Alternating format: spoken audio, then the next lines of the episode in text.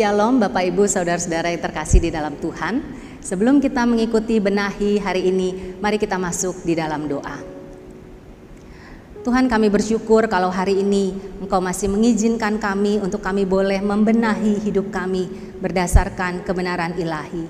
Tuhan kami rindu biarlah firman yang akan kami baca, firman yang akan kami renungkan, boleh kembali menguatkan kami, bahkan boleh kami lakukan di tengah-tengah kehidupan kami. Terima kasih ya Tuhan, hanya di dalam nama Tuhan Yesus kami telah berdoa. Amin. Benahi hidup hari ini terambil dari satu Raja-Raja 10. Saat ini saya akan akan membacakan ayatnya yang keempat sampai sembilan, namun kami mengharapkan Bapak Ibu Saudara dapat membaca bagian ini secara keseluruhan. Satu Raja-Raja 10 ayatnya yang keempat. Ketika Ratu Negeri Sheba melihat segala hikmat Salomo dan rumah yang telah didirikannya, makanan di mejanya, cara duduk pegawai-pegawainya, cara pelayan-pelayannya melayani dan berpakaian, minumannya dan korban bakaran yang biasa dipersembahkannya di rumah Tuhan, maka tercenganglah ratu itu. Dan ia berkata kepada raja, benar juga kabar yang kudengar di negeriku tentang engkau dan tentang hikmatmu. Tetapi aku tidak percaya perkataan-perkataan itu sampai aku datang dan melihatnya dengan mataku sendiri. Sungguh, setengahnya pun belum diberitahukan kepadaku. Dalam hal hikmat dan kemakmuran, engkau melebihi kabar yang kudengar. Berbahagialah para istrimu, berbahagialah para pegawaimu ini yang selalu melayani engkau dan menyaksikan hikmatmu. Terpujilah Tuhan Allahmu yang telah berkenan kepadamu sedemikian, hingga ia mendudukkan engkau di atas tahta kerajaan Israel, karena Tuhan mengasihi orang Israel untuk selama-lamanya.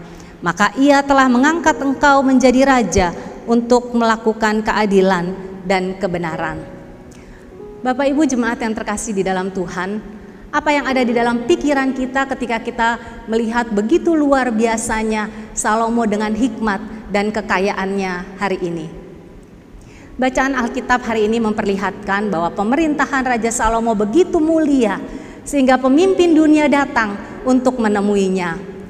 Tampaknya sebagian kekayaan dari Raja Salomo merupakan hadiah dari para pengagumnya.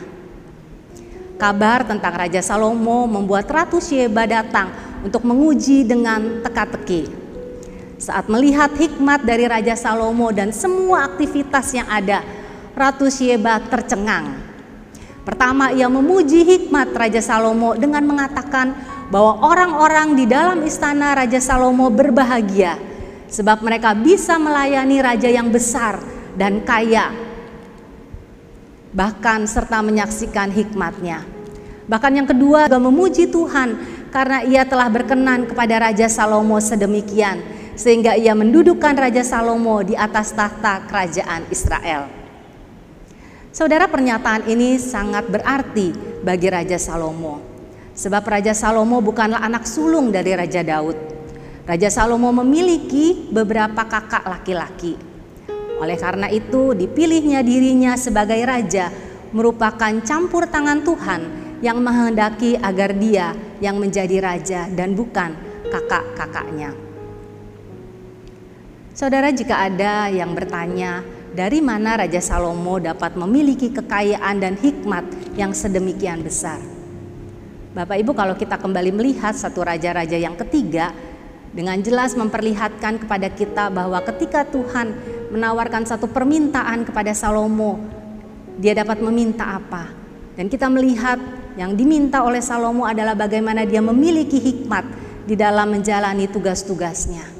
Dan luar biasa, Tuhan menambahkan kekayaan sehingga Raja Salomo memiliki kekayaan yang luar biasa sampai saat ini. Bapak Ibu ketika Salomo memiliki semuanya itu, maka ayat 9 dengan jelas mengatakan ada tujuan yang Tuhan inginkan, yaitu untuk melakukan keadilan dan kebenaran di Israel. Itu membuktikan bahwa Tuhan ingin Salomo menjadi terang bagi bangsanya. Bapak Ibu, hari ini kita belajar dari Raja Salomo. Ketika kita melihat kekayaan, ketika kita melihat hikmat, yang ada di dalam diri Salomo. Bagaimana dengan kita saat ini? Apa yang saat ini kita miliki? Apa yang saat ini Tuhan percayakan di tengah-tengah kehidupan kita. Apakah kita bisa bersyukur dengan setiap berkat yang boleh Tuhan berikan kepada kita? Atau kita menunggu sampai kita menjadi seperti Salomo yang kaya, yang memiliki hikmat untuk bisa menjadi terang, menjadi berkat untuk bangsa dan sekitarnya. Bapak Ibu, saya rindu untuk menceritakan satu pengalaman rohani yang saya dapatkan beberapa waktu ini. Hampir satu bulan yang lalu saya mendampingi seorang aktivis, seorang bapak yang usianya sekitar 70 tahun. Bapak ini bukanlah seorang yang kaya. Handphone yang ia miliki hanyalah handphone biasa yang hanya bisa menggunakan SMS. Dan ketika dia mengalami sakit karena COVID dan dia harus masuk ke rumah sakit, saya berkesempatan untuk bisa mendampingi secara kerohanian. 10 hari ketika dia berbaring di rumah sakit, dia sudah mulai kelelahan. Dia sudah bergumul, dia sudah merasa bosan. Bahkan dia memberikan SMS kepada saya mengatakan, "Bu, apakah Ibu bisa menggantikan, mencarikan orang yang bisa menggantikan saya untuk dirawat di tempat ini?" Saya bergumul dan saya berdoa minta hikmat Tuhan dan Tuhan menolong saya untuk boleh terus menguatkan melalui ayat-ayat firman Tuhan. Dan satu saat saya menawarkan untuk Bapak menjadi pelayan lewat doa-doa syafaat. Dan kemudian saya mulai men-sharingkan, saya berkata, Pak bolehkah Bapak mendoakan kami, mendoakan saya yang akan melayani di persekutuan doa. Bahkan juga beberapa hari lagi saya juga harus mempresentasikan proyek akhir dan Bapak itu bersyukur untuk kepercayaan ini. Dia bilang, ya Bu saya akan mendoakan pelayanan Ibu dan juga pelayanan rekan-rekan yang ada di gereja.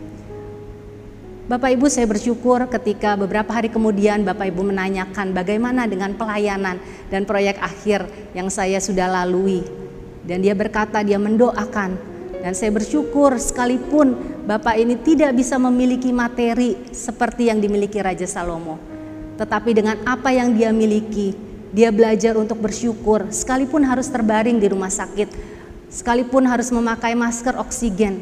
Tetapi Bapak ini tahu Tuhan memakai dia untuk boleh menjadi berkat, menjadi pendoa syafaat di tengah-tengah kesulitan dan pergumulan yang dia alami saat ini.